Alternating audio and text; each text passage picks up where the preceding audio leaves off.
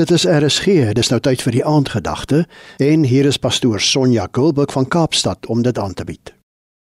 Goeienaand. Jy dink nog die een oomblik alles verloop seepglad by die werk en die volgende oomblik word jy afgedank. Jy is nog die een oomblik vol vreugde oor die nuwe bil wat jy vir jou stoet aangekoop het en die volgende oomblik word jou vee plus die nuwe billetjie gesteel. Load shedding, korrupsie, verhoudingskrisisse, rentekoerse, alles dinge buite ons beheer wat direkte invloed op ons lewens het. Praat van probleme. Wat moet ek en jy doen in tye waar dit voel of al jou probleme jou wil verswelg? Jy weet, daardie rubberprop in die middel van 'n stroomversnelling gevoel. Here, regtig?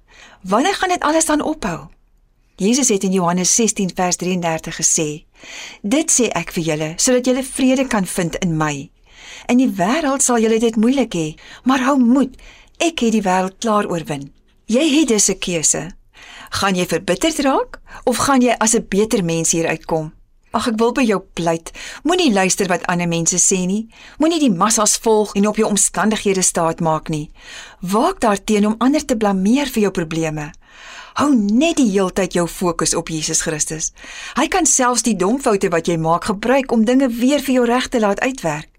Dink net 'n bietjie terug in jou lewe waar hy jou al gehelp het en kies om eerder die beter mens te raak. Want as jy verbitterd is, maak dit weer skeiding tussen jou en God.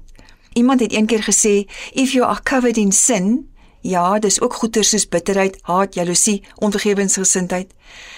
You cannot feel God because our sin separates us from God." Mag jy vandag Romeine 5 vers 3 tot 4 sommer hardop uitroep. Ek verheug my ook in die swaar kry, want ek weet swaar kry kweek volharding en volharding kweek egtheid van geloof en egtheid van geloof kweek hoop en die hoop beskaam nie. En ek wil byvoeg, want sonder hoop is ons niks. Onthou, jy het mos Jesus Christus in jou hart. Hy is jou hoop dat alles wat hier en nou is nie regtig saak maak nie. Dis juis hierdie probleme wat jou innerlik sterk maak. Dis jou groeityd. God kan hierdie tyd gebruik om jou voor te berei op 'n ewige lewe by hom. Psalm 27 vers 14 in die boodskap sê: Vertrou op God, hou moed, wees sterk, moenie die handdoek ingooi nie. Bly wag op die Here. My Hemelvader, my probleme raak nou te veel vir my.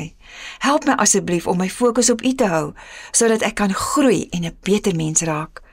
Amen. Dit was dan die aandgedagte hier op RSG, vanaand aangebied deur pastoor Sonja Gulburg van Kaapstad.